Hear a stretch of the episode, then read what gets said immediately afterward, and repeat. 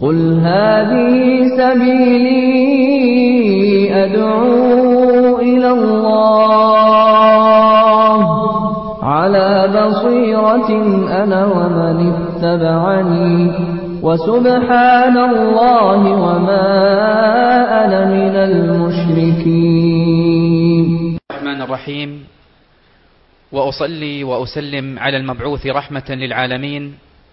نبينا وحبيبنا محمد عليه أفضل صلاة وأتم تسليم. أيها الإخوة الكرام أيتها الأخوات الكريمات مشاهدينا عبر القنوات الفضائية المختلفة السلام عليكم ورحمة الله وبركاته. باسمكم جميعا أتقدم بالشكر الجزيل لصاحب الرعاية الكريمة سمو الشيخ أحمد بن محمد بن راشد المكتوم والشكر موصول أيضا لرعاة الملتقى الذهبيين وهم مجموعة سعيد ومحمد النابودة ومؤسسة محمد بن راشد لدعم مشاريع الشباب والصكوك الوطنية ونخيل وداماس وهيئة كهرباء ومياه دبي وبنك دبي الإسلامي واتصالات وباريس جالري والعروبة للمقاولات. وللرعاة الفضيين وهم سلطة المنطقة الحرة لمطار دبي الدولي. وشركة كلدار إخوان ومصنع الإمارات لإنتاج حليب الإبل ومشتقاته وجمعية الاتحاد التعاونية. يا بني اركب معنا. تمضي بنا سفن الدنيا على عجل. فاركب بني فركب القوم قد ضعنا. اركب ففي ركبنا أمن وكن معنا. تسلم من الموج إن طاش السفين بنا احذر من الموج نحن اليوم في خطر. من يطلب الدين يأمن دونه الفتنا خل الهوى فالمنى تحدو طلائعنا. بها بها يرجى الهدى فانهض بها وبنا. لنا المعالي إذا ما كنت ساعدنا. هل غير ركب العلا يمضي بنا ولنا؟ يا شيخ يا شيخ أسرج ركاب الهدى وامضي بنا نحو الهدى علنا نزجي بها المحنا أيها الأحبة في الله صاحب أسلوب مؤثر يختار كلماته بعناية فائقة وهو أيضا صاحب صوت شجي إذا ما تلا عليك آيات من الذكر الحكيم. يأخذ بتلابيب قلبك ويسيطر على فؤادك وكأن هذه الآيات تسمعها لأول مرة في حياتك. أما إذا كررها فإنك تشعر أن شعر جلدك قد وقف وتنتابك قشعريرة وتتذكر قول الله تعالى الله نزل أحسن الحديث كتابا متشابها مثاني تقشعر منه جلود الذين يخشون ربهم ثم تلين جلودهم وقلوبهم إلى ذكر الله. أما إذا تحدث فالكل له آذان صاغية وكأن على رؤوسهم الطير. تخرج كلماته من القلب لتسكن في سويداء القلب. نحسبه من الدعاة المخلصين نحسبه كذلك ولا نزكي على الله أحدا. لا تخلو محاضراته من قصة والقصص أسلوب قرآني يحبه الجميع. هذا باختصار شديد بعض ما يتميز به محاضرنا في هذه الليلة. أما عن موضوعه الذي اختاره ليكون مادة للقائنا معه فهو يا بني اركب معنا. والآن أترككم لنستمع جميعا للشيخ الدكتور عبد المحسن الأحمد ونجعله يحلق بنا بعيدا بعيدا في سماء الحب والإيمان. ويا بني اركب معنا. السلام عليكم ورحمة الله وبركاته. الحمد لله رب العالمين وأصلي وأسلم على أشرف خلق الله أجمعين نبينا محمد عليه وعلى آله وصحابته أفضل الصلاة وأتم التسليم. أبدأ بسم الله مستعينا راض به مدبرا معينا والحمد لله الذي هدانا إلى طريق الحق واجتبانا أحمده سبحانه وأشكره ومن مساوي عملي أستغفره وأستعينه على نيل الرضا وأستمد لطفه فيما قضى.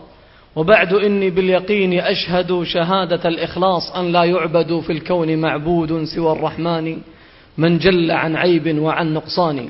أحبة الفضلاء خير ما بدأ به الكلام وخير ما عطرت به المسامع وخير ما تكلم به المتكلمون وخير ما نطقت به الألسن وخير ما استشعرته القلوب هو كلام رب العالمين جل جلاله الذي قال وقوله الحق. كتاب أنزلناه إليك مبارك.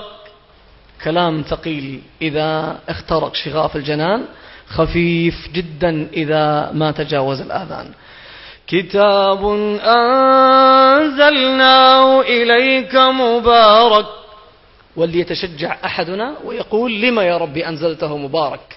لما يا ربي أنزلته مبارك عشان نقيس وننظر إحنا فاهمين صح ولا خطأ؟ قد يقول قائل يعني ممكن نكون إحنا فاهمين تعاملنا مع القرآن خطأ طول هالسنين وأنت جاي تعلمنا الآن؟ لا. أنا أعلم نفسي لأني والله حبيبي الغالي وأختي الفاضلة صدمت. يوم سمعت كلام الله عز وجل لماذا أنزل القرآن؟ والله صدمت يا جماعة وتركت المصحف وقلت يا رب يا ربي علمنا ما ينفعنا. لما أنزل الله هذا القرآن؟ لا يغرك حبيبي الغالي إيش أنت فاهم وما فهمته أنا وأنت حبيبي الغالي الله عز وجل يوم تكلم عن أكثر الناس قال ولكن أكثر الناس لا. لا. لا ماذا؟ ولكن أكثر الناس لا يعلمون. طيب من اللي قال لي ولك أننا لسنا من هؤلاء الأكثر الذين لا يعلمون؟ تعرف إيش الضمان اللي عندي وعندك؟ ضمان واحد وكله هباء إبليس قال لي وقال لك لست منهم. صدقنا يا جماعة؟ إي وربي. ولقد صدق عليهم إبليس ظنا فاتبعوه. قال اقرأ اقرأ بس ما عليك. ما ما أنزل لقراءة حرف بعشر حسنات. لا. كلام إبليس غلط. اللي أقنعني وإياك فيه السنين كلها قال الله يعدهم ويمنيم قال أنت فاهم ليش أنزل القرآن وعلاقتك بالقرآن على ما يرام ورب العليم العلام جل جلاله راضي عنك فلا تغير استمر. اقرأ بس بدون ما تحس بشيء. يعدهم ويمنيم وما يعدهم الشيطان إلا غرورا. أجل ليش أنزل هذا القرآن؟ كتاب أنزلناه إليك مبارك. لما يا ربي؟ ليدبروا آياتي. سبحان الله ليدبروا؟ هذه أنا تكلمت والله عن نفسي يوم قريتها. قلت والله ما أحسها. أنا أحس أني أقرأ بس. أسمع بس. أتدبر ثم وقفت وقفة جاندة وأحب لك ما أحب النفسي قلت الله يقول لام التعليل يعني أنزلت هذا الكتاب ليتدبروا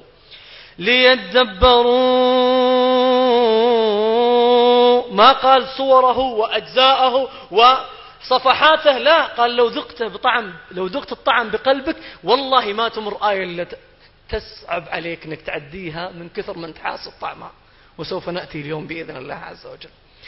ليدبروا آياتي وليتذكر أولو الألباب. يقول اللي عنده عقل هذا في قياس رب العالمين. يقول أولو الألباب عند الله أنه إذا قرأ يتدبر. طيب واحد فينا يقول والله يا ربي أنا أبغى أتدبر. وأنا ضيعت حياتي كلها أقرأ بس وأسمع بس بس ما حسيت بشيء. أقرأ أقرأ اليوم منه من ختم وفي ناس في الجزء العشرين والخمسة وعشرين بس يقول والله ما حسيت بشيء يعني أنا أقرأ صفحة ورا صفحة ورا صفحة. ما في شيء. يا ربي أتدبر هذه بأي عضو عشان أستخدمه. ثم يفاجئك القرآن. أفلا يتدبرون القرآن؟ كل التركيز يتدبرون تدبروا. ما في يقرأوا. وإحنا شغلنا في يقرأوا وإبليس يقول خلوكم كذا. أفلا يتدبرون القرآن أم؟ كلام ثقيل. أم؟ أم ماذا يا ربي؟ إذا ما تدبرت إيش المشكلة اللي عندي؟ أم على قلوب؟ يقول المشكلة هنا. لسانك تحرك وقريت كل شيء بس ما حسيت شيء. أم على ماذا؟ أم على قلوب أقفالها. يعني إذا ما حسيت بطعم القرآن يا ربي عندي مشكلة في قلبي. طيب إيش علاقة قلبي بالقرآن؟ الله يقول جل جلاله أن النبي عليه الصلاة والسلام أصلا ما تغيرت حياته كلها إلا يوم وصل القرآن إلى عضو من أعضاء النبي عليه الصلاة والسلام. خذ خط سير القرآن. خط سير القرآن عشان نقيس حبيبي الغالي أنا وأنت وأختي الغالية هناك نقيس أنفسنا هل خط السير اللي كان للنبي عليه السلام هو نفس الخط السير اللي عندي ولا أنا ماشي في طريق غير النبي عليه السلام نزل بي الروح الأمين. شوف السند.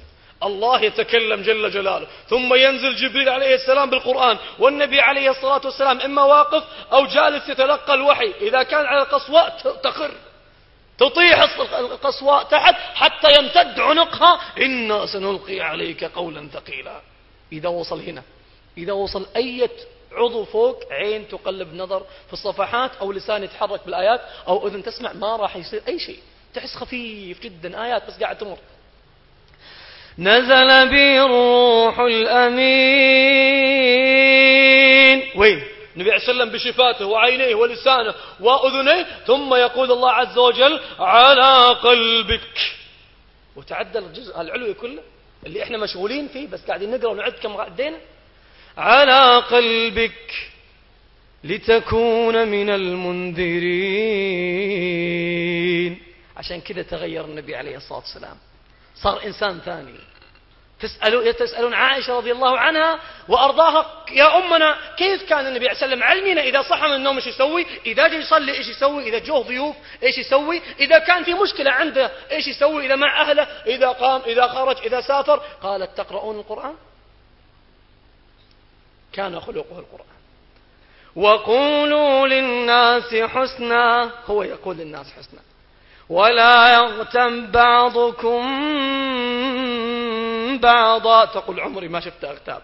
قرآن نمشي النبي عليه الله يقول والكاظمين الغيظ. يأتي الأعرابي يشد النبي عليه وسلم والصحابة يشوفون تأثروا أوجع قلوبهم الأثر اللي في في عنق النبي عليه وسلم ويقول خلوا والكاظمين الغيظ والعافين عن الناس. إيش اللي غير النبي عليه وسلم حبيبي الغالي هذا القرآن لن تذوق طعم السعادة اللي قالها الله عز وجل.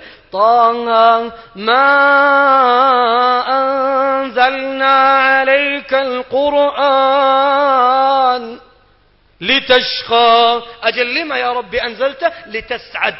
عشان تكون أسعد إنسان. تعال حبيبي الغالي لن نمر على قصة سورة الجن ولكن سأمر على وإياك على آية قالها الجن لما سمعوا القرآن لما طرد النبي عليه الصلاة والسلام من مكة ثم خرج هائما على وجهه ما عاد عنده إلا الطائف. الخريطة كلها أهل الطائف يدعوهم ثم يلحقونه بالأطفال ويأتي العبد والطفل ثم يرجم النبي عليه الصلاة والسلام خرج منها ينزف. قال لعائشة رضي الله عنها في البخاري يقول فلم أستفق. يعني أنا أصلا من الهم اللي فيني. قال فهمت هائما على وجهي فلم أستفق إلا وأنا بقرن الثعالب. ثم وقف النبي عليه وسلم يصلي في وادي نخلة. ما عنده أحد من البشر. وادي خالي.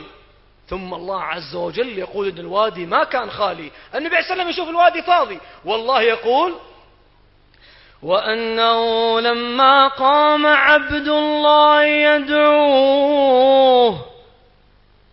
كادوا جو الجن من الشمال والجنوب والشرق. كل الكرة الأرضية من الجن جو عند النبي عليه وسلم واجتمعوا في هالوادي. يقول الله ويصف المشهد كأنك تراه بالصوت والصورة. يقول وأنه لما قام عبد الله يدعوه كادوا كادوا يكونون. علمنا يا ربي كادوا يكونون. كيف؟ كيف شكلهم؟ كادوا يكونون علي لبدا. ما عاد كفتهم الأرض ركبوا فوق بعض فوق بعض وإنهم حول النبي عليه الصلاة والسلام يسمعون. شوف التوقيعات اللي وقعوها ولنأسى على قلوبنا اللي سمعت القرآن. هم سمعوا مرة واحدة قالوا إنا سمعنا قل أوحي إلي أنه استمع نفر من الجن وأنا أخاطب كل من يسمعني الآن من الإنس والجن. أوحي إلي أنه استمع نفر من الجن فقالوا إنا سمعنا قرآنا. قرآن حاف؟ سمعنا قرآن؟ إحنا نقول قرينا قرآن حاف سمعنا قرآن حاف. لا هم لما زلزل القرآن أركانهم قالوا قرآنا عجبا. يقولون في حياتنا ما سمعنا مثل هالكلام. ليش أنا بعد قعدت أدور في القرآن؟ إيش اللي خلاهم يقولون عجبا؟ والله يا جماعة لقيت القرآن كله عجب إذا ذقته بقلبك. أجل الله عز وجل يقول لأم ماسكة رضيعها تنتفض خايفة عليه مو زي مرضعات اليوم آمنة في بيتها لا كل ما حرك الهواء ستار اهتزت وكل ما طرق الباب انتفضت تخاف فرعون يجي يقطع رأس موسى قدامها مثل ما قطع روس العالم الصغار كلهم. فخايفة والجن يسمعون هالكلام العظيم عجيب يقولون قال الله عز وجل أن أرضي أعطيه الثديك وخليه لا يجوع بس فإذا خفت عليه. شوف الكلام العجيب الآن. كلام ما. لو تدخل الكمبيوتر تقول عطني منطق ما في منطق. فإذا خفت عليه إيش يسوي فيه؟ فاقذي فيه. سبحان الله. إذا خفت عليه أقذفه أجل يا ربي إذا ما خافت عليه إيش تسوي فيه؟ إذا خافت عليه يقول اقذفيه ولاحظ ما قال ضعيه ولا قال حطيه ولا قال أنزليه. يقول اقذفيه في التابوت. شوف عظيم عجب كلام عجيب. ما يتصور أنت تقول واحد تخاف على شيء اقذفه؟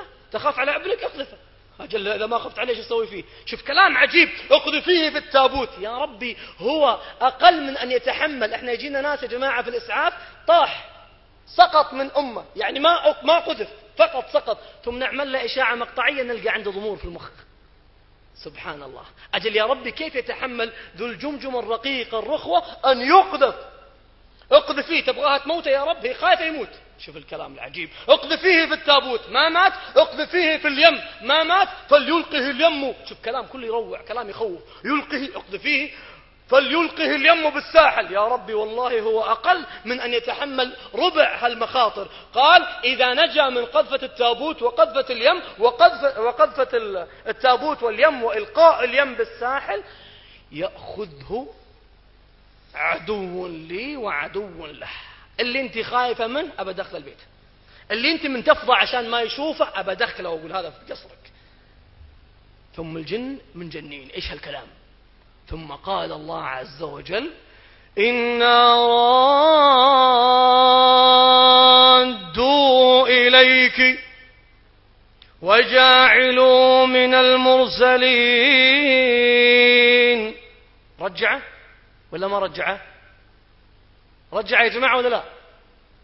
شوف الله عز العظيم يقول اقذفيه في التابوت فاقذفيه في اليم فليلقي اليم بالساحل يأخذه عدو لي وعدو له وإذا كان قادر يعمل شيء لم أقدر من فوق سبع سماوات فليفعل أنا سأعيده. ثم تأتي الصاعقة فرجعناك إلى أمك كي تقر عينها ولا تحزن ولتعلم أن وعد الله حق. الجن قالوا ما دام الله قادر ينقذ جنين في خضمها المخاطر كلها ويرجع الأمة والله ما ملكوا إلا يقولون فآمنا به. يقولون ما دام يقدر إيش نبغى أحسن من كذا؟ نبغى أحد يأمننا وسط المخاطر ما عاد نعبد غير الله. لاحظ الكلمة وتذوق طعمها قالوا فآمنا به. ما قالوا أمنا ببعضه وبعض نخليه مثلنا يا جماعة ناخذ اللي يوافق هوانا واللي ما يوافق هوانا. اقتنعوا قناعة تامة أنك إذا أصلحت علاقتك مع رب العالمين أنه قادر ينجيك حتى لو كنت في وسط نار. فقلنا يا نار. والله كلام عجيب يا جماعة بس إحنا ما إحنا حاسين فيه. خلي يصل القلب والله بنحس. فقلنا يا نار كوني بردا وسلاما على إبراهيم. شوف أول كلمة قالوها الجن. أول موضوع فهموه. الآن لما اقتنعوا كلام عجبا قالوا فآمنا به. أول موضوع فهموا أن الله يركز عليه في كل الصور. والله عز وجل ممكن يعني ينسف أعمال العبد كلها بطولها وعرضها إذا اختل هالموضوع. وحتى لو كان من رسول الله عليه الصلاة والسلام أول كلمة فهموها من القرآن ولن نشرك بربنا أحدا. يقولون عرفنا رب العالمين ممكن يقبل منك أي شيء لكن, لكن تأتي وقد أشركت معه غيره أو دعوت غيره لا يقبل. الله عز وجل رفع النبي عليه الصلاة والسلام خلق الخلق كلهم ثم كرم بني آدم. لاحظ كيف؟ رفعت بني آدم. ثم رفع من بني آدم الأنبياء ثم رفع من الأنبياء الرسل ثم رفع فوق الرسل ناس قال أولو العزم من الرسل ثم اصطفى من الخمسة أولو العزم من الرسل اثنين الخليلان إبراهيم عليه السلام ومحمد عليه الصلاة والسلام ثم طلع واحد فوقهم كلهم من هو؟ محمد روحي له الفداء عليه الصلاة والسلام. شفت الرفعة هذه؟ ويقول عنه وإنك لعلى خلق عظيم. بل أعظم يقول لعمرك يقسم بعمرة جل جلاله ومع كل هذا العز وهذا الكرم يقول الله عز وجل في يوم من الأيام يفاجئ جبريل النبي عليه الصلاة والسلام ينزل عليه الآيات تقول عائشة في ليلة شاتية كان يتصبب من النبي عليه وسلم العرق يعرق. إذا نزل عليه الوحي من قوة الوحي شوف الرسالة اللي جت عند النبي عليه وسلم رسالة فيها مفاصلة. تغير النبي عليه الصلاة والسلام حياته ومساره وصار يفاصل الناس بعدها. ولقد أوحي إليك وإلى الذين من قبلك. إبراهيم إسحاق يعقوب عليهم السلام جميعا. إيش اللي أوحي إليك وإلى الذين من قبلك؟ لئن أشركت لو تدعو مع الله غيره وحاشا عليه الصلاة والسلام أو تحلف بغيره. لئن أشركت ليحبطن عملك. وهو النبي عليه الصلاة والسلام قد يحبط عمله الشرك. واحد يقول طيب المحاضرة يعني بتكلم الحين عن الشرك. إحنا كلنا ما عندنا مشكلة في الشرك. إحنا على التوحيد ما عندنا أي مشكلة. شوف النبي عليه السلام إيش قال في الرسالة. فعند في عند الترمذي يقول يسولف مع أبو بكر رضي الله عنه يقول يا أبا بكر الشرك في أمتي في أمتي أخفى من دبيب النملة السوداء. تخيل أنت واقف الآن نملة مارة من عندك تحس فيها؟ ما تحس فيها. عشان كذا يتسلل الشرك وإحنا ما إحنا حاسين. لا لا أعظم من هذا الكلام. كلام الله عز وجل يقول الله عز وجل في سورة يوسف وما يؤمن أكثرهم بالله. لاحظ الكلام عن أهل الإيمان وأكثرهم شوف الإحصائية ما قال نصفهم ولا ثلاثين في المئة قال وما يؤمن أكثرهم بالله إلا إلا وهم مشركون. حبيبي الغالي إيش يعني لا إله إلا الله؟ يا زينها إذا تذوقت الطعم بالقرآن. والله ألقيت المحاضرة جوني ناس قالوا عمرنا ما فكرنا. لا إله إلا الله نقولها. طيب خلنا نشوف إيش قال الله عز وجل. قال الله ما قال قل لا إله إلا الله. إيش قال؟ فاعلم اعلم أنه لا إله إلا الله. إيش يعني أعلم أنه لا إله إلا الله؟ إحنا عارفينها فاعلم أنه لا إله إلا الله واستغفر لذنبك. إيش معنى لا إله إلا الله يا جماعة؟ هل معناها أنه لا خالق إلا الله؟ لا. غلط الإجابة. لا رازق إلا الله؟ غلط الإجابة. لا محيي إلا الله؟ لا معطي إلا الله؟ لو كان هذا معنى لا إله إلا الله تعرف كان أبو جهل في الفردوس الأعلى. كان أبو لهب في الفردوس الأعلى. تعال حبيبي الغالي واسمع الأسئلة اللي طرحها النبي عليه الصلاة والسلام والامتحان اللي طرحوا على أبو جهل عشان نفهم إيش معنى لا إله إلا الله. يقول الله عز وجل اسأل أبو جهل واسأل أبو لهب وجمعهم واطرح عليهم الاختبار التالي. قل لمن الأرض وابو جهل يسمع وابو لهب يسمع وعتبة وشيبة وصناديد قريش واقفه تسمع. قل لمن الأرض ومن فيها؟ بالجبال والسهول والأنهار. تعال جاوب يا أبو جهل لمن هذه؟ سيقولون لله. كلهم يعترفون أن الأرض الله ومع ذلك ما هم فاهمين لا إله إلا الله. لا شوف الآية اللي بعدها أكبر منها في السماء. قل من رب السماوات السبع ورب العرش العظيم. جاوب يا أبو جهل سيقولون لله. ومع ذلك ساقط في التوحيد في لا إله إلا الله. يا ربي اعترف إن الأرض لك وما فيها لك وكل الناس لك والجبال لك والسماوات لك وأنت رب العرش العظيم وكل هذا لا إله إلا الله ما فهمها. شوف الآية اللي بعدها أكبر من اللي قبلها. قل من بيده ملكوت كل شيء وهو يجير. إذا أراد أن يجيرك من أمر لو اجتمع الناس كلهم يصيبونك فيما يصيبونك. ولا يجار عليه. وإذا أرادك والله ما يحميك أهل الأرض كلهم. جاوب يا عتبة وجاوب يا أبو لهب وجاوب يا أبو جهل من اللي يملك كل شيء ويقدر على كل شيء؟ وإذا أجارك ما أحد يصيبك من هو؟ سيقولون لله. في قراءة حفص وفي قراءة الدودي عن أبي عمرو سيقولون الله. أجل يا جماعة إيش مشكلتهم مع لا إله إلا الله؟ ما دام إنه يعترف إنه كل شيء خذ الآية قل من يرزقكم إيه جماعة أسئلة كثير في العقيدة. قل من يرزقكم من السماء والأرض أمن يملك السمع والأبصار ومن يخرج الحي من الميت ويخرج الميت من الحي ومن يدبر الأمر فسيقولون الله ومع كل هالاعترافات يا ربي لم تقبل منهم لا إله إلا الله. ليش؟ مع كل هالاعترافات يقول الله عز وجل إنهم كانوا إذا قيل لهم لا إله إلا الله يستكبرون. يا ربي ما استكبروا قالوا كل شيء لك. ليش يستكبرون؟ كل شيء الله عندهم. كل شيء الله. حتى إذا مسهم الضر وإذا مسكم الضر في البحر ضل من تدعون. ما عاد يتذكرون لا اللات ولا العزى ولا أحد. ضل من تدعون إلا إياه. ومع ذلك يقول أنه ما, ما قبلت منه لا إله إلا الله. ليه؟ يقول وانطلق الملأ منهم أن امشوا واصبروا على آليتكم إن هذا لشيء يراد. يا رب وين مشكلتهم مع لا إله إلا الله؟ يمكن نلقى كثير من المسلمين اليوم طايح فيها. قال أنهم يقولون أجعل الآلية إلها واحدا. ما يبغانا ندعو له؟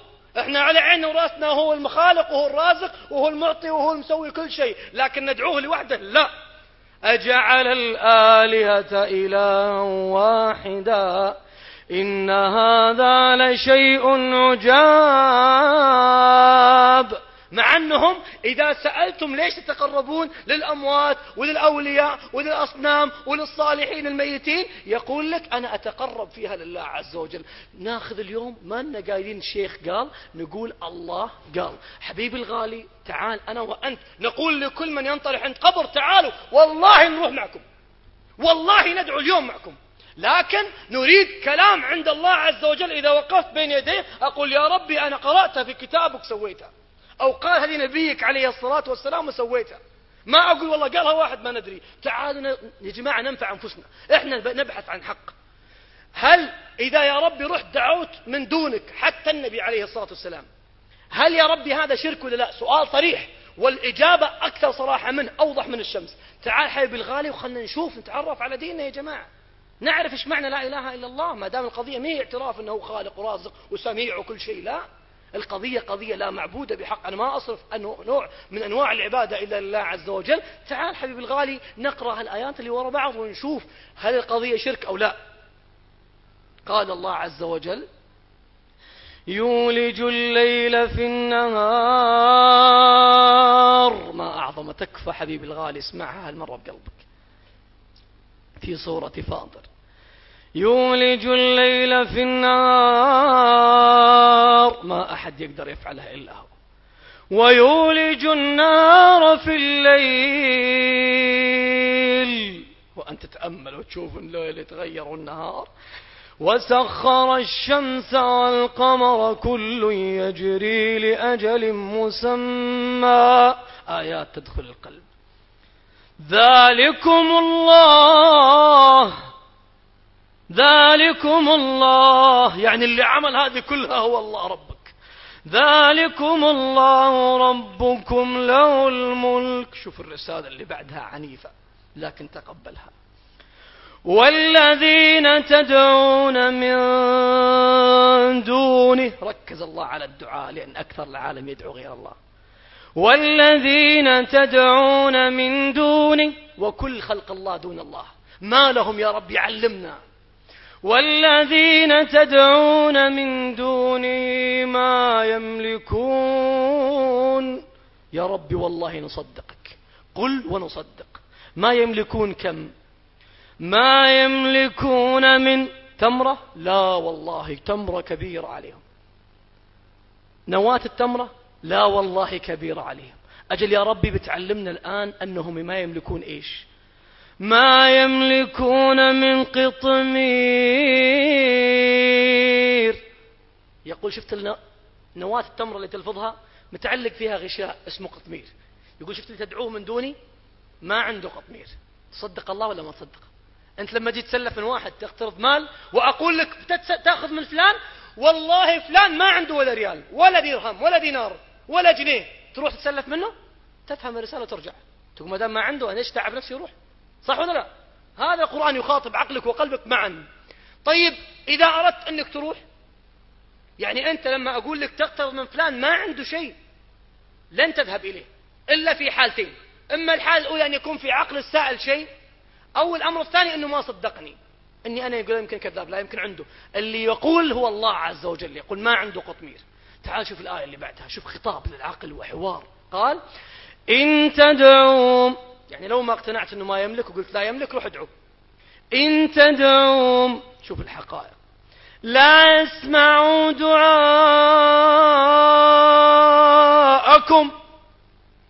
يقول ترى ما عنده قطمير ولو رحت قعدت تقعد عند قبره سنة ما يسمعك. يقولون لا يسمع. شوف الخطاب. كم من الآية؟ قال الله ولو سمعوا. إيش؟ النتيجة النهائية إيش؟ ولو سمعوا ما استجابوا لكم. يقول هو ما عنده قطمير وما يسمعك ولو سمعك ما استجاب. شوف طبقات الضعف الثلاث هذه الآن أمور في الدنيا أعطاك حقائق في الدنيا ثم أعطاك ما انتهت الآية أعطاك حقيقة في الآخرة. قال ولو سمعوا ما استجابوا لكم ويوم القيامة. يقول أنت بتخسر هنا؟ وبيجي يوم القيامة بطلع اللي دعا واللي دعي كلهم ويوم القيامة بطلعهم وأصفهم وأخليهم يكلمون اللي دعوهم. إيش يقولون يا رب؟ ويوم القيامة يكفرون. يطلع الذين قبروا في الأرض ويكفرون أي يجحدون. يكفرون بإيش؟ الكلمة هذه ذهبية. احتاجها وتحتاجها حبيب الغالي يكفرون بماذا يا ربي نحن نصدقك. علمنا. يكفرون بذنب ولا بعمل ولا بجرم. يكفرون بشرككم.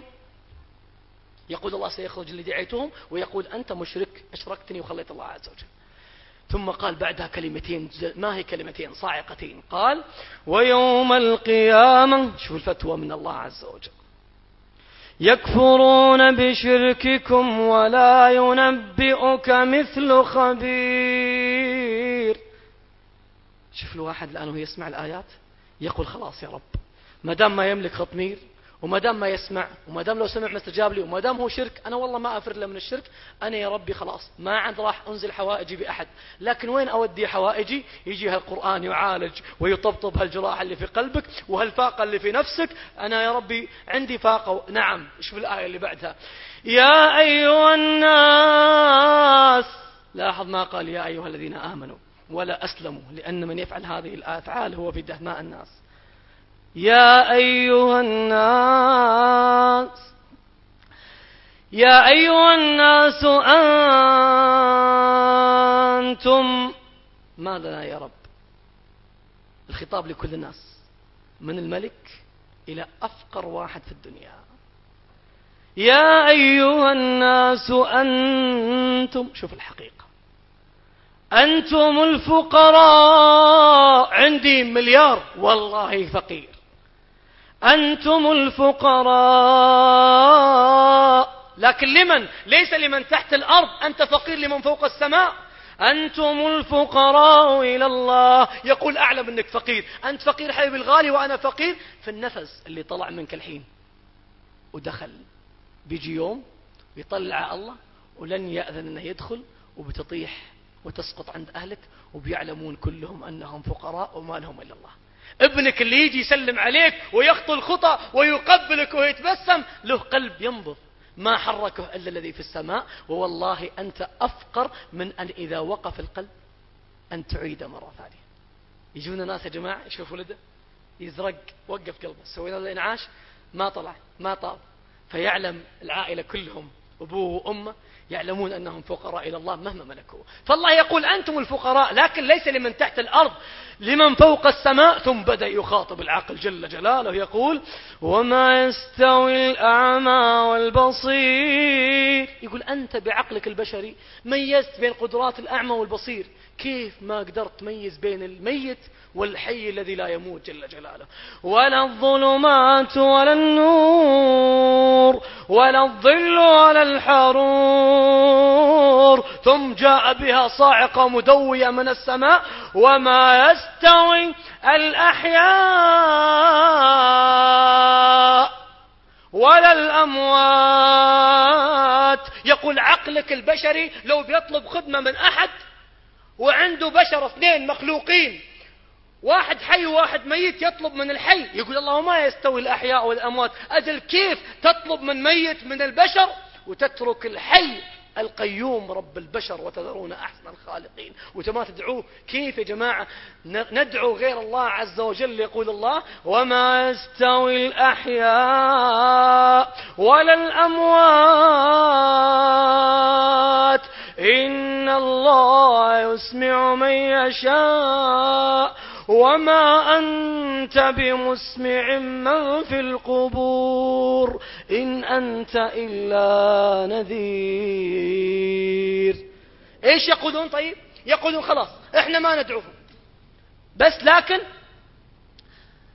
هؤلاء يقربون إلى الله زلفى. ونقول على العين والرأس أي كلمة يقولها أي قائل مقبولة بس تعال حبيبي الغالي نعرضها على كتاب الله. وإن معك ما لم نخالف كتاب الله أن معك.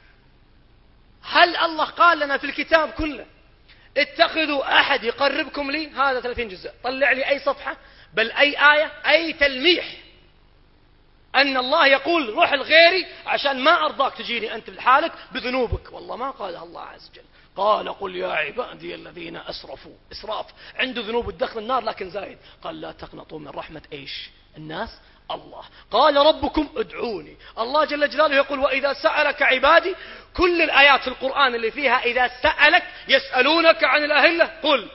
يسألونك ماذا ينفقون قل. إلا هالآية ما فيها قل. الله تكلم على طول مباشرة بدون أحد. قال وإذا سألك عبادي إذا جت قضية الدعاء ما بيني وبين عبادي أحد. وإذا سألك عبادي عني ما قال قل الله قال أنا بتكلم. وأنا بقول فإني قريب. أجيب دعوة الداعي إذا إيش يا جماعة؟ تكفون خلنا نفهم مصحفنا. إذا راح لحد ولا إذا دعاني. جماعة دين صافي زلال. لا نشوشوا بأشياء ما هي في القرآن ولا في السنة. قال الله عز وجل أم لهم شركاء شرعوا لهم من الدين ما لم يأذن به الله؟ ومن أظلم من افترى على الله كذبا أو كذب بآياتنا؟ قلنا ما في. تعال حبيبي الغالي نأخذها وياك واحدة واحدة. يقول شو؟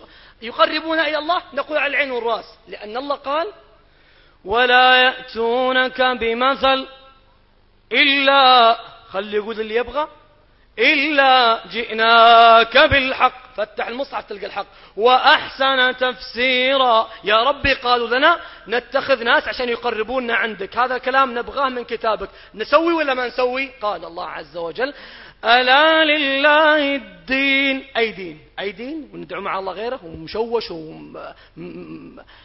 معه أحد؟ قال لا. ألا لله الدين الخالص. إيش قال بعدها؟ والذين اتخذوا من دونه أولياء. ليه؟ ما نعبدهم. يقول بيقول لك إحنا ما نعبدهم. هم ما يخلقون ولا يرزقون ولا يعطون ولا يحيون. أجل ليش تنطرح عنده؟ قال ما نعبدهم إلا إلا إيش؟ ليقربونا إلى الله زلفى. شوف الآية ما ينهيها الله عز وجل يبين لك الكلام هذا صدق من صادق ولا من كاذب. كمل معي الآية؟ عشان نسوي ولا ما نسوي؟ نروح لأحد ولا ما نروح؟ قال الله إلا ليقربونا إلى الله زلفى. إن الله يحكم بينهم فيما هم فيه يختلفون. ما انتهت الآية. إن الله لا يهدي فيها عدم هداية. إذا في مصيبة يا ربي. اللي قال هالكلام ما هو؟ إن الله لا يهدي من هو كاذب كفار. لا والله يا ربي ما نبغى نكون كاذب ولا أبغى أكون كفار. يا جماعة كنت أنا في أمريكا وألمانيا وفرنسا. شفت العالم يدخل الكنيسة ثم يجي عند القس ويقعد عشان عشان يقربه إلى الله زلفى ويتقرب بعيسى. جل صرنا غيرهم يا جماعة. يقول لك خلاص ما يقربون إلى الله زلفى. هؤلاء شفعاؤنا عند الله. ونحيل على العين والرأس. نكلم نتكلم بهذا القرآن. قال الله عز وجل وإذا تتلى عليهم آياتنا بينات. تقول لك الله ما قال. ما قال ادع غيري أبدا. يقول لا تدعوا من دون الله ولا تدعوا مع الله أحدا. ما أبدا. طيب من وين جبتها؟ قال الله وإذا تتلى عليهم آياتنا بينات. صافية واضحة. أما يجيب المضطر إذا ما راح لحد إذا دعاه على طول. وإذا تتلى عليهم آياتنا بينات قال الذين لا يرجون لقاءنا ائت بقرآن غير هذا. ما عندنا غير أو بدل. يجيب لك أجيب لي أدليل غير القرآن. لا ما عندنا القرآن.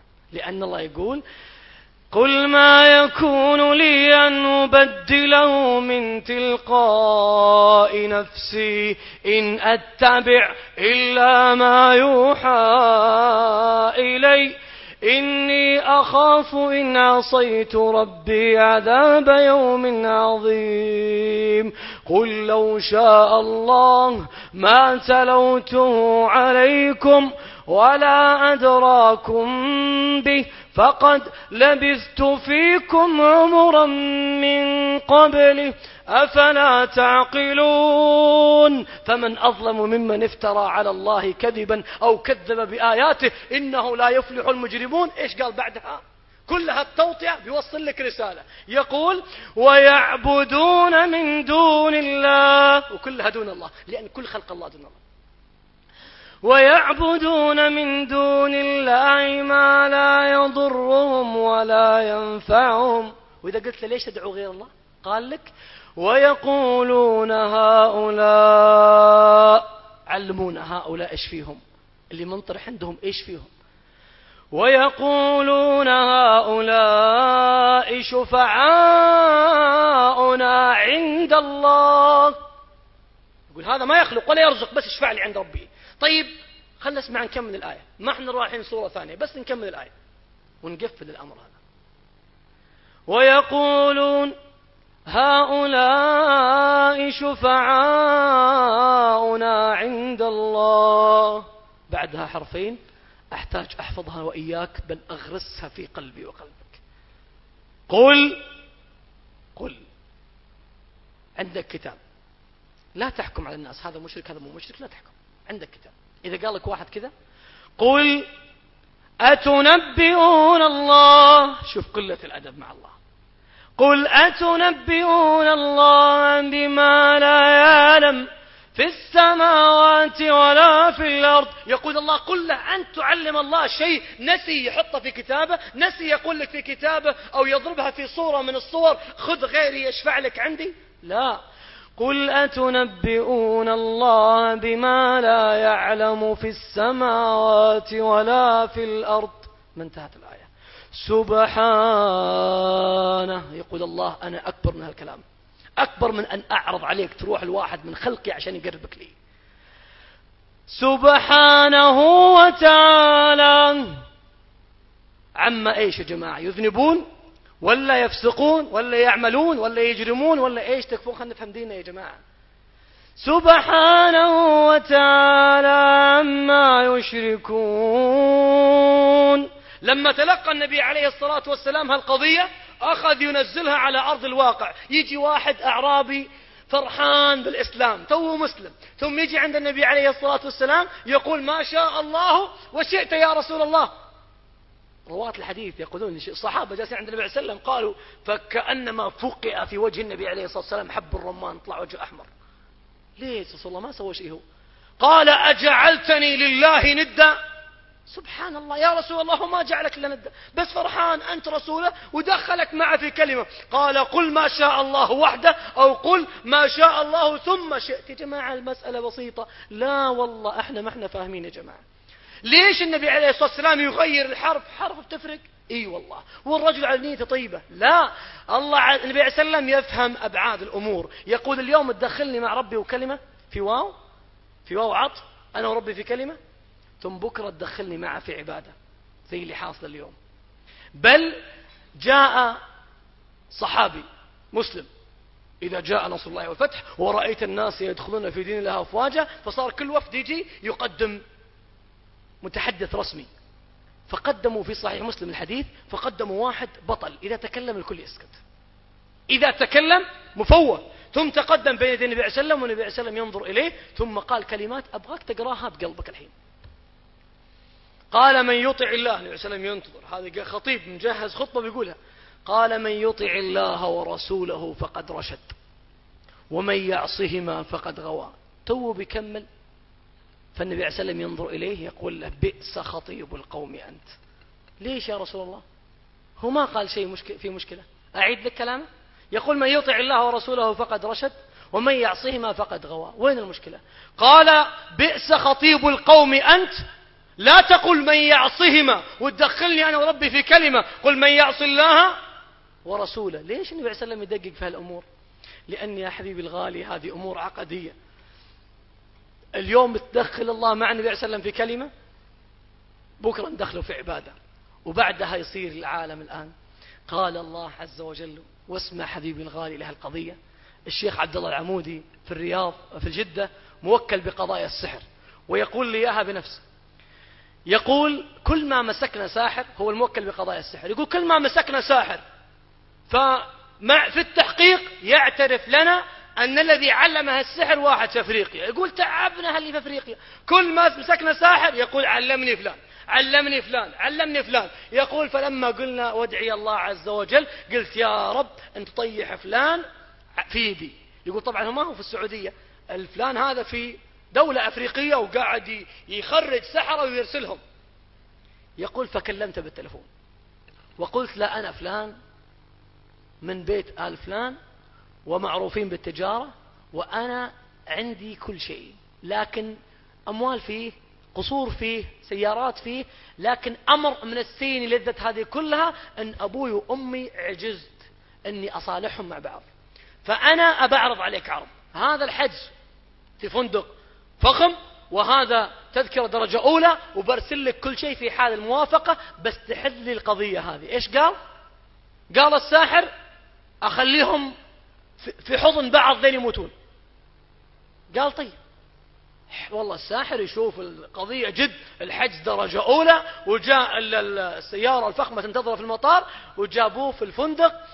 فقال للشيخ عبد الله الشيخ عبد الله ما له ما له لحية. خلق الله عز وجل لعلة صغيرة. فقال للشيخ عبد الله جيب لي بخور ومدخنة وثلاث طلبات الشيخ عبد الله يقول دخلت عليه؟ في الفندق يقول أخذ جلسني قدامه وأخذ يتمتم والمدخنة قدامه يقول والله قاعدة تهتز المدخنة وقفت على على ركن واحد. يقول ثم الساحر جاء ودخل يده تحت المدخنة وطلع عمل وقال خذ هذا حطه تحت سرير أمك وأبوك وبتشوف في اليوم كيف يتعانقون. يقول فحطيت الكلبشة في ايده قلت له يا كذاب يا دجال أنا أبوي ميت من عشر سنوات. وصدق الله عز وجل قال الله عز وجل ولا يفلح الساحر حيث أتى. الله يقول يا جماعة ما هو للسحرة؟ يقول للجن. ها؟ الساحر من وين يجيب معلوماته يا جماعة؟ من الجن ها؟ والمشعوذ من وين يجيب؟ من الجن. والكاهن من وين؟ من الجن. يجيبون معلوماتهم. الله عز وجل يقول لك اسمع كلام الجن. اللي هم مصدر المعلومات ما راح أقول لك السحرة التعبانين اللي ما هم فاهمين حاجة. لا أبى أقول لك مصدر التلقي عندهم الجن يقولون عن أنفسهم وفي سورة الجن وأنا لا ندري. الجن يقولون إحنا ما ندري. ثم يجي واحد يقرأ القرآن يقول لا لا والله يدرون. وأنا لا ندري أشر أريد بمن في الأرض. يقول والله إحنا ما ندري إيش بيصير لك وايش بيصير لك. بس نقعد نكتب على الكاهن ويقول لك تجي قارئ الفنجال يناظر. يناظر في الفنجال كذا يقول انت بتتزوجين. لا يا شيخ. كل البنات بيتزوجون يعني إلا ما يرحم رب العالمين. أنت والله الظاهر بيجيك مصيبة وكل العالم يجيهم مصايب يقول والله صادق.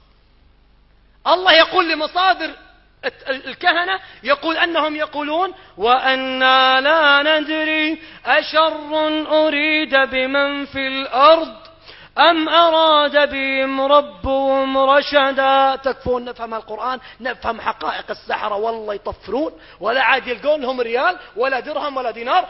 سليمان عليه السلام كم قعد؟ مئة سنة. قاعد مئة سنة. قلبه واقف من مئة سنة وقاعد كذا ومفتح عيونه وينظر الجن قاعدين يشتغلون. أعمال شاقة سماها الله مهين. عذاب في إهانة. فقاعد مئة سنة. الله عز وجل وقفه. على العصا وقاعد يطالع فيهم وشغالين ساعة ورا ساعة ويوم وخلص الليل والنهار وخلص الأسبوع والشهر ودارت مئة سنة. طيب لو الجن يعلمون كان واحد دخل بس طالع قلبه واقف ما في الدماء متجلطة كلها والمخ واقف. يقول الله عز وجل ما دلهم على موته. مو السحرة التعبانين هذا الجن مصادرهم.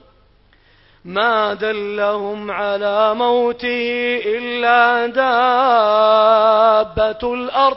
أرسل الله دابة في الأرض قاعدة تحفر فيها العصا وتأكل من العصا. تأكل من ساعته. فلما خر بعد مئة سنة طاح سليمان قدامهم. فلما خر تبينت الجن أن لو كانوا يعلمون الغيب. ما لبثوا في العذاب المهين. سبحان الله. هذول الجن يا جماعة علمك الله أنهم ما هم فاهمين شيء. فحبيبي الغالي لو تبين لك القضية الساحر هذا والله يا جماعة تعبان. لو يقدر هو يسوي شيء كان يا أخي بدل ما تعطل نفسك وتنشغل عن أهلك وتقعد تشوف الناس وتتلقى الجمهور عشان تأخذ من هذا مية ومن هذا خمسين ومن هذه ألف يا أخي اسحر لك خمسين مليون وخلك أجر واحد. بس وين عقولنا يا جماعة؟ السحرة علمك الله إيش يبغون؟ طفرانين ما عندهم شيء. قال الله عز وجل أن السحرة أول ما جاءوا عند فرعون قالوا إن لنا لأجرا تعطينا فلوس. طفارة. يطرون منكم مني. ولا والله ما عنده شيء. الله يقول لك ولا يفلح الساحر. يا جماعة العقيدة قاعد تتزعزع. تعال حبيبي الغالي كنت في طائرة وجنبي رجل أوروبي الشاهد أني كنت في الطائرة ومعي مصحف في جيبي وهذا الرجل جالس يقرأ يا جماعة والله العظيم بهالطريقة يقرأ والمضيفة تجيب له الكأس الماء ما يطالعها. كتاب مع كتاب الظاهر 800 صفحة ما أدري كم رواية كلها تفاهات كلام بشر. وقاعد يقرأ يقرأ وتعطيه المضيفة ما يلتفت عليها. يشرب وهو قاعد يطالع ما يبغى يضيع ولا لحظة. المهم كنت أنا ماسك الكتاب ما قاعد وشفت القرآن في جيبي. قلت سبحان الله. شفت تركيزه على كلام تافه. إحنا ما نركز على كلام رب العالمين بهالطريقة تلقى الواحد يقرأ ولا صح؟ ماشيين. تعال شوف لو ركزت. المهم فتحت الكتاب. وسمعت أو قرأت آية في حياتي والله يا جماعة ما أنا حافظها والله حافظها. بس أول مرة ألمسها هنا يا جماعة. أدبتني هالآية أقسم بالله حتى سفرتي هذه والله سفرتي هذه من ثمار تلك الآية بعد الله عز وجل. إيش الآية؟ آية تؤدب. يقول الله عز وجل وتكفى خلي قلبك معي شوي. وتفقد الطير. سليمان ويا جمال أجملها القرآن كأنه يوريك بالصوت والصورة. وتفقد الطير. خلص وحشر لسليمان جنود من الإنس والجن والطير الوحوش كلهم تفقد ثم راح لجهة الطيور بدأ يتفقدهم ثم ناظر. فقال ما لي؟ لا أرى الهدهد. أم كان من الغائبين لأعذبن عذابا شديدا. يقول والله بأنته قال أهل التفسير أي لأنتفن ريشة وأجعل تحت سياط الشمس حتى تقطعها الشمس وتأكل الدواب وهو حي. لأعذبنه عذابا شديدا أو لأذبحنه. أو ليأتيني بسلطان مبين. شوي إلا السواد ينزل من فوق السماء قال فمكث غير بعيد. ثم الهدهد الصغير يتقدم بين يدي سليمان والكائنات كلها خايفة تنظر إيش بيسوي فيه سليمان بيقطع رأسه ولا بنتفه قال فقال أحطت بما لم تحط به. وجئتك من سبأ بنبأ يقين. جاي متقطع. على إيش متقطع؟ وأنا قاعد أقرأ كأني أول مرة أسمعها في حياتي. إلى أن قال إني قال وجدتها وقومها يسجدون للشمس. من دون الله. طيب وأنت إيش علاقتك؟ يسجدون للشمس ولا للقمر؟ أحد أرسل لك كتاب قال دافع عن الدين؟ لا. أحد أرسل لك قال لك سو خير ولك حسنة؟ لا. طيب لك جنة؟ لا. أرسل لك رسول قال أدعو لله عز وجل؟ لا. أجل إيش اللي مقطع قلبك وجدتها يسجدون للشمس؟ إيش علاقتك؟ الهدهد قلبه ما هو مرتاح يرجف يقول كيف؟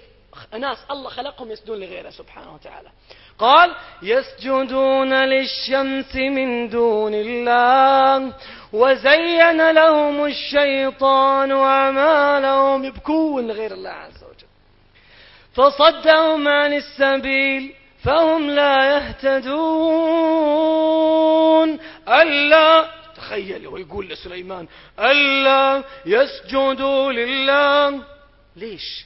إيش سوالك الله؟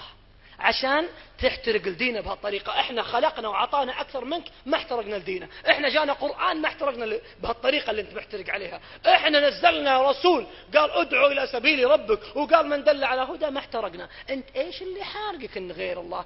إنه, إنه ساجدين لغير الله؟ قال الله شوف شوف شوف الكلام. بعلمك الله إيش اللي مقطع قلب هالهدهد ويبطل. ألا يسجدوا لله الذي الذي إيش؟ إيش سوالك عشان تتقطع؟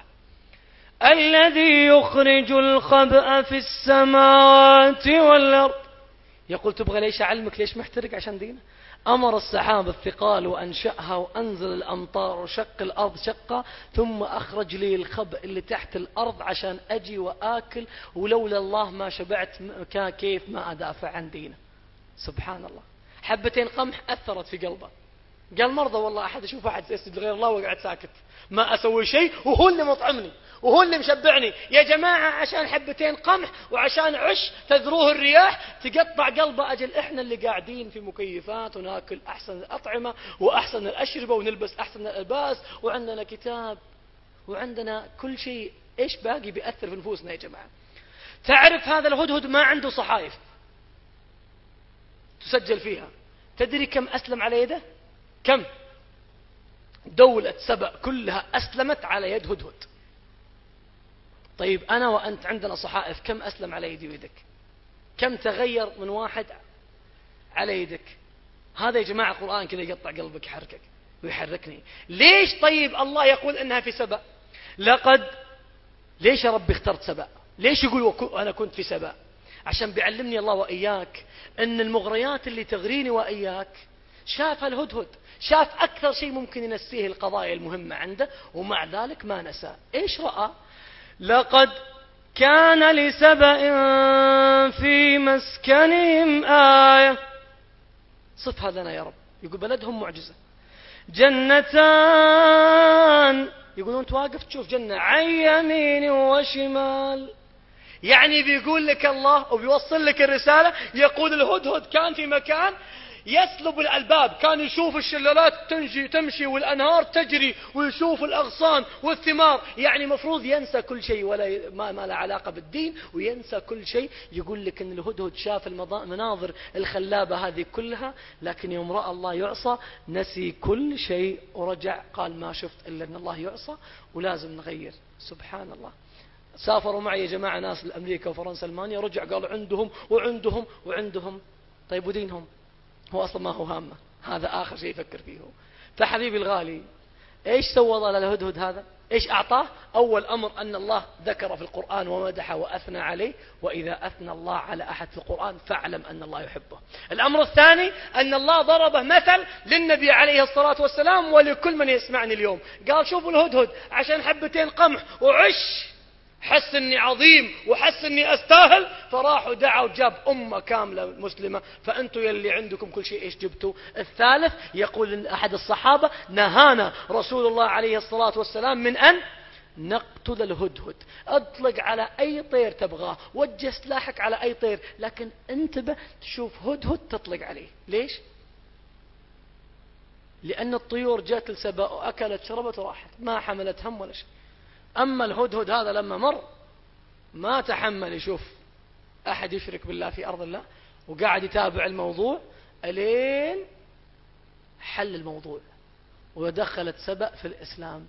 تعرف إيش حمى الله؟ قال حمى الله الهداهد كلها. ينهى النبي عليه الصلاة والسلام عن قتل الهدهد. ليش؟ اللي يدافع عن الدين واحد. المحمي الفصيلة كاملة. وكان أبوهما صالحا. ختاما حبيبي الغالي ختاما. إذا تركنا كتاب الله وسنة نبي عليه الصلاة والسلام والله يا جماعة نظل يقول النبي عليه وسلم تركت فيكم ما أن تمسكتم به لن تضلوا بعدي أبدا. اليوم يا جماعة جلست تجينا رسائل جوال رأى حامل مفاتيح الحرم النبوي أن النبي عليه وسلم جاء في المنام وقال له قل لأمتك ثم ينشرها. ويرسلها وأن لم يرسلها بيجي مشكلة وبيموت ولده وبيصير له شيء والعالم تنشر وتنترتجف يا أخي دينك أسهل من هذا. رح أسأل اللي أرسلها لك هذا من وين جبته؟ من كتاب الله ولا من سنة النبي عليه وسلم؟ يقول لا والله واحد حالم. قل له الله ما قال نأخذ من حلوم الناس. الله قال عندكم قرآن ما آتاكم الرسول فخذوه. أما الأحلام ما هي عندنا اليوم أكملت لكم دينكم دينك. كل واحد يعرض عليك رسالة تنشره بس لا. حبيبي الغالي كل من أرسل لك رسالة قال لك هذا حديث قل له من وين جبته. تلقى ما عاد الناس ترسل لك لأن العالم قاعد يتخبط يا جماعة في دين النبي عليه الصلاة والسلام. تكذب على النبي عليه الصلاة والسلام صليت ورا واحد في الدولة الخليجية. صليت وراه يا جماعة؟ لما صليت وراه والله العظيم يا جماعة العشاء حسبتها العشاء مع التراويح كلها عشرين دقيقة. والله يا جماعة أنفاس أبغى ألتقط. الله أكبر سمع الله الحمد والله يا جماعة ما فتك ما فهمنا شيء. لما خلصنا جيت عنده قلت حبيبي الغالي ما شاء الله صوتك جميل وقراءتك وإتقانك في التجويد وقراءة يعني ليت بس تلذذنا بها أكثر. قال الله يكرمك ويوفقك. قلت طيب بس حبيبي الغالي ما يخفاك حديث النبي عليه الصلاة والسلام في الصحيحين؟ لما جاء الرجل صلى بسرعة قال له ارجع فصلي فإنك لم. ما قال فاتك ركعتين كتب لك نصها قال لم. تصلي ورجع صلى قال صحيح هذا الحديث في البخاري. طيب لا بالبخاري ومسلم. حافظين بس ما نسوي. المهم شوي قلت له حبيبي الغالي أنت كنت إذا سلمت مع بعد التسلام في كل بين التراويح إذا سلم كان يقوم وهو قايم رايح الميكروفون يقول وصل اللهم وسلم على نبينا محمد. قلت له حبيبي الغالي أنت تقول هذا الكلام مع أنه ما سواها النبي عليه وسلم قال الله سبحان الله هو الصلاة على النبي عليه السلام تحتاج إن أني هذا خير بقوله في أي مكان. قلت له والله حبيبي خير لكن أنت أحسن هدي ولا النبي عليه الصلاة والسلام؟ إحنا عندنا اثنين بتبع واحد. زيك ولا زي النبي عليه السلام؟ النبي عليه السلام كان إذا سلم يقول أستغفر الله أستغفر الله أستغفر الله. قال لا بس الصلاة على النبي عليه السلام في كل وقت. قلت أجل خلاص إذا سجدت بدل ما أقول سبحان ربي الأعلى أبقى أقول أعوذ رب الفلق وأقول كل خير. قال لا. قلت طيب ليش لا؟ قال لي النبي عليه السلام قال لي هنا قول سبحان ربي الأعلى. قلت والنبي عليه السلام قال لك بعد الصلاة قول استغفر الله. ثم شوي قلت له حبيبي الغالي وأنت تقول الكلام؟ كل ما بديت في الصلاة قلت له يعني يا جماعة ترى هذا الكلام كله والله يعني إحنا قاعدين نكتب عن النبي صلى الله عليه وسلم ونتهم النبي صلى الله عليه وسلم إنه دينك مكامل محتاج نكمله لك. عشان كذا لما نقول لواحد مثلا بأشياء دائما تصير. يقول سمع الله لمن حمده يقول ربنا ولك الحمد ولك الشكر. طيب تقول لا حبيبي الغالي الشكر ما قالها النبي عليه وسلم. قال كلام طويل تبغى تاخذ طول كلام طويل قالها النبي عليه وسلم. قال لك سبحان الله الشكر يا أخي إيش فيكم أنتم معقدين؟ كلمة الشكر تقعد تقعد لي عليها؟ والله حبيبي ما أقعد لك عليها أنا ما أبغى أبغى دين محمد يضيع عليه الصلاة والسلام. اليوم أنت تقول لك الحمد ولك الشكر بكرة ابنك ناجح يقول ولك الحمد ولك الشكر يحس إنها ما تكفي يقول ولك الشكر الجزيل يا رب العالمين. بكرة البنت ناجحة تقول يا ربي لك الشكر الجزيل أكثر شكر في العالم بعد ثلاثة اجيال جينا صلاة ما لها علاقة في اللي سواه النبي عليه الصلاة والسلام. لأن فتح المجال لكل واحد يضيف أي كلمة من عنده. عشان كذا حبيب الغالي دين النبي صلى الله عليه وسلم غالي. عشان كذا حبيب الغالي اليوم صار الواحد يأخذ أي شيء من غير كتاب من غير كتاب من غير دليل. يجي وبس يسوي لو تقول له بيت شعر سواه. مثل اللي جاء قال تعال صل معي. واحد من السلف قال بروح للحانات الخمر.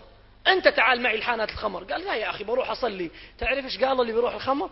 قال دع المساجد للعباد تسكنها وسر بنا لحانات الخمر تسقينا. ما قال ربك ويل للأولى سكروا بل قال ربك ويل للمصلين. قال وراح معه حانات الخمر.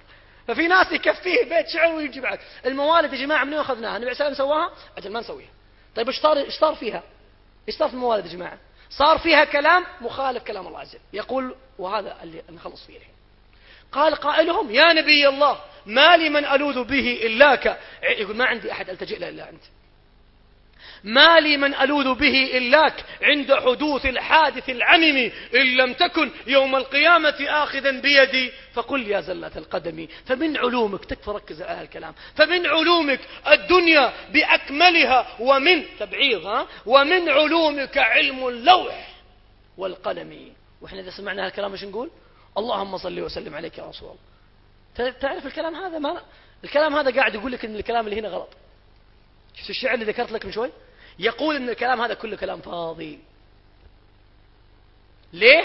لأن الله عز وجل يقول إذا جالك أحد بشعر تعال عرضه على كتاب الله عز وجل. شوف الله يرسل جبريل ويقول للنبي جبريل قل للنبي عليه وسلم قل له كلمة قل. إيش يقول؟ قل للناس من أنت ومن أنا. قل للناس مع رفعة درجتك وأنك أحب خلقي إلي. قل لهم قدراتك. في سورة الأعراف قل لا أملك لنفسي. في أحد أغلى عن النبي عليه وسلم من نفسه؟ ها؟ ما في. شوف الآن يعلمك النبي عليه وسلم هذا حقيقتي. قل لا أملك لنفسي نفعا ولا ضرا إلا ما شاء الله. ولو كنت إيش؟ أعلم الغيب. مثل ما كان يقول راعي الشعر يقول من علومك اللوح والقلم يقول النبي صلى الله عليه وسلم مو صحيح الكلام هذا. ولو كنت أعلم الغيب لاستكثرت من الخير وما مسني السوء. يقول لو أني أعلم الغيب وأعلم اللوح والقلم كان أعلم أن المشرك أخذ الحجر في أحد قبل لا يضربني. أبعد لأني أعلم الغيب. ما دريت ولا أعلم الغيب حتى شج رأسي بأبي وأمي عليه الصلاة والسلام. يقول أنا ما أعلم الغيب. فأنت حبيب الغالي تصدق من الكلام اللي يقال في الموالد ولا هذا الكلام؟ يقول الله عليه وسلم ما أعلم الغيب. واليوم يا جماعة الناس تنطرح عند النبي عليه السلام والنبي عليه السلام يقول لا تتخذوا قبري عيدا. حبيب الغالي يقول مسعود في الصحيحين يا رسول الله أي الذنب أعظم؟ إيش أكثر شيء يكره ربي؟ قال أن تجعل لله ندا وهو خلقك. فحبيبي الغالي لا تدعو من دون الله عز وجل ما لا ينفعك ولا يضرك ولا تعتقد بقلبك أن أحد يعلم الغيب إلا الله عز وجل. لا والله السحرة كل يوم يمسكونهم في الرياض وفي جدة كل يوم يمسكونهم. لو كان يقدر يملك لنفسه كان علم انهم جايين. وما وما مسك يا جماعة تكفون. لا نقرأ توحيدنا يا جماعة نقرأ عقيدتنا. مو كنا أرسل لك تأخذ بس اسأل من وين جبته. كتاب الله وسنة نبي عليه الصلاة والسلام. ما كان فيها حياها الله وما كان في غيرها. لا والله ما نقبل لأن يا جماعة ما آتاكم الرسول فخذوه ما نهاكم عنه فانتهوا. اليوم الإذاعات في التلفزيون والقنوات الفضائية قاعدة تعرض الشرك وتزين الشرك. لا والله ما يدعى غير الله ولا نخاف إلا الله ولا نرجو إلا الله ولا نستغيث إلا بالله ولا نستعين إلا بالله فيما لا يقدر عليه إلا الله. أسأل الله جل جلاله بمنه وكرمه أن يطهر قلوبنا من النفاق وأعمالنا من الرياء وأن يقر أعيننا وأعينكم بصلاح نياتنا وذرياتنا. أسأل الله جل جلاله أن كما شرفنا برؤيتكم فوق هذا الفرش وأخواتنا هناك أن يشرفنا برؤيتكم أخرى تحت العرش. وأسأله جل جلاله الذي يعلم ما في صدوركم من أمنيات أن لا يبقي في صدوركم أمنية. هي له رضا ولكم فيها صلاح. إلا كتب قضاءها قبل أن تقوموا. من مجلسكم هذا إن ذلك على الله يسير. وإنه بالإجابة جدير وأشكر أهل هالبلاد الطيبة المباركة أسأل الله عز وجل أن يجعلها يا ربي عامرة بالتقوى والصلاح والهدى وأسأل الله أن يوفق ولاة أمورها لكل خير ويأخذ بنواصيهم للبر والتقوى وأن يشكر سعي من قام على هذا اللقاء وأخص من قام على دائرة السياحة والتسويق. أسأل الله جل جلاله أن ينظر في صدورهم وأن لا يبقي في صدورهم أمنية إلا بلغهم أعظم من مناهم فيها وكل من قام على هذا اللقاء. وحضر أحبة الفضلاء والله لا أملك لكم إلا الدعاء. وتوحيدكم توحيدكم والركوب في سفينة النجاة سفينة أن لا نصرف عبادة من العبادات إلا لله عز وجل. فالله أعظم وأحكم. أسأل الله أن يجمعني وإياكم في الجنة وأصلي وأسلم على أشرف من وطئت قدمه الثرى بأبي وأمي عليه الصلاة والسلام. جزاكم الله خير وآسف على الإطالة. جزاك الله خيرا. نريد أن نبشر الجميع بأننا سنتوج هذه الليلة المباركة بالإعلان عن دخول رجل إلى الإسلام وسيقوم أخانا المسلم الجديد بالتلفظ بالشهادتين بعد قليل وأمام الجميع فأرجوكم رجاء حارا أن تبقوا معنا. وباسمكم جميعا نتقدم بالشكر الجزيل لفضيلة الشيخ الدكتور عبد المحسن أحمد على هذه المحاضرة. الرائعة بالغد يتجدد معكم اللقاء مع الشيخ خالد الغامدي والشيخ محمود المصري إلى أن يحين ذلك الوقت. دم دمتم في حفظ الله ورعايته. والسلام عليكم ورحمة الله وبركاته.